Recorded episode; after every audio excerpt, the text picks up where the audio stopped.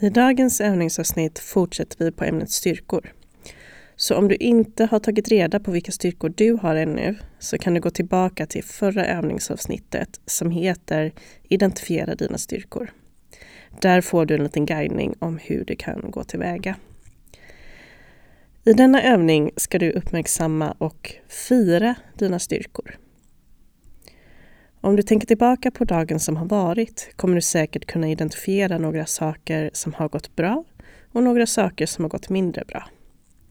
Ofta fokuserar hjärnan på det som gått mindre bra, men som tur är så kan du träna upp dig på att bli mer medveten om det som går bra. I denna övning ska du lära dig att identifiera saker som går bra tack vare dig själv. När något gick bra tack vare dig själv så har du förmodligen använt dig utav en eller flera av dina personliga styrkor. Låt säga att du en dag lyckades hjälpa din vän med ett personligt problem. Då är det något som har gått bra tack vare dig. När du sedan försöker identifiera dina styrkor i den situationen så kan det vara till exempel styrkan närvaro eftersom du satt tyst och lyssnade in till vad din vän hade att säga. Det kan också vara styrkan medkänsla som gav sig till känna eftersom du gav plats för din väns känslor.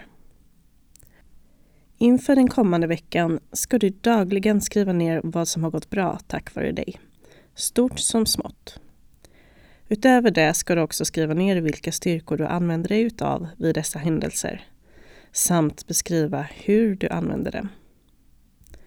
Syftet med styrkedagboken är att du ska bli medveten om dina styrkor och faktiskt vara glad över det faktum att du besitter dessa värdefulla mänskliga kvaliteter. För att underlätta för dig själv så kan du varje dag svara på följande frågor. Vad gick bra idag tack vare dig? Vilka styrkor använder du vid detta tillfälle? Hur använder du dig utav styrkorna?